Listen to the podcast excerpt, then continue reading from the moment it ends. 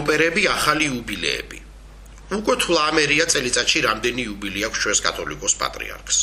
გული საერთოდ უნდა შევეშვათ იულიუს კეისისა და პაპ გრიგორიუსის კალენდრებზე დავასდა მისი უწმინდესობის იუბილეების მიხედვით ავითვალოთ ჩვენი დღეები. მაგალითად ასე.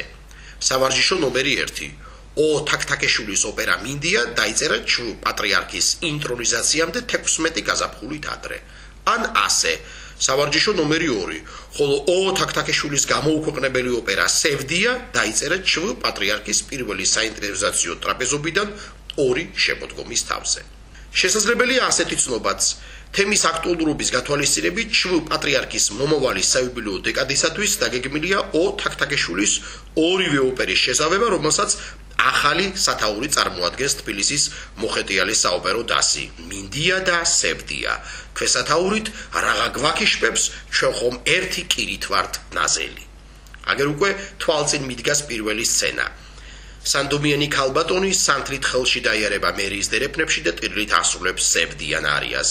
მერო სადახარ ლამაზო სევდიან ქალბატონს მელანქოლიურად ეხმიანება სცენის უკან დაბანაკებული ქორო.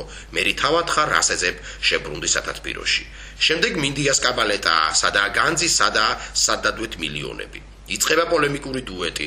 სცენაზე ახალნაკურთხი რაინდი შემოდის და დარბაისური ენთუზიაზმით მღერის თავის ტრეტას. გადაშენების პირას ვართ ვაჩინოთ სუფთა ბავშვები. ტრეტა მაღალი დოთი მთავრდება. სევდიანი ქალბატონი სინკოპურად სომს დისონანსურ შეკითხვებს როგორ ვაჩინოთ ყველა პატრიარქმა მოგნათლა ნათესავები ვარ ყველანი. კაინდი ცხეზე ჯდება და გასწახის. ეს ვერ დაგვაპყოლებს ევროპაში მოიკითხონ ინცესტი ოპერა პატრიარქის ავე ცეზარ ნორდიუმი ცულდება, რომელსაც სპეციალურად ამ საღამოსთვის დაწერს კომპოზიტორი ნიკოდიმე რაჭველი. ხოლო უკანასკნელ მჭექარე ფრაზას სოფლიო ბანი დახკუხებს წინ מחათასკენ მარტო ბიზნესმენები ნუ შეგვეხვიანებით, ყველამ გადმორიცხოს, თორემ არ ჩამოახვდეს შობელი. ფრაზა ორიგინალურია, ლიბრეტისტებს არ შეუთხზავთ.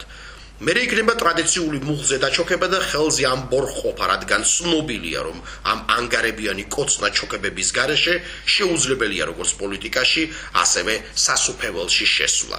ისე კი ოპერა იქით იყოს და ყოველთვის მაინტერესებდა, ნეტა სულ ოდნავ მაინც არ ღიზიანდება პატრიარქი, როცა პოლიტიკოსები ასე აკრობატულად და გაუბედავ თქვა ფარისეუდურად იწებენ ღოღვას მის წინაშე.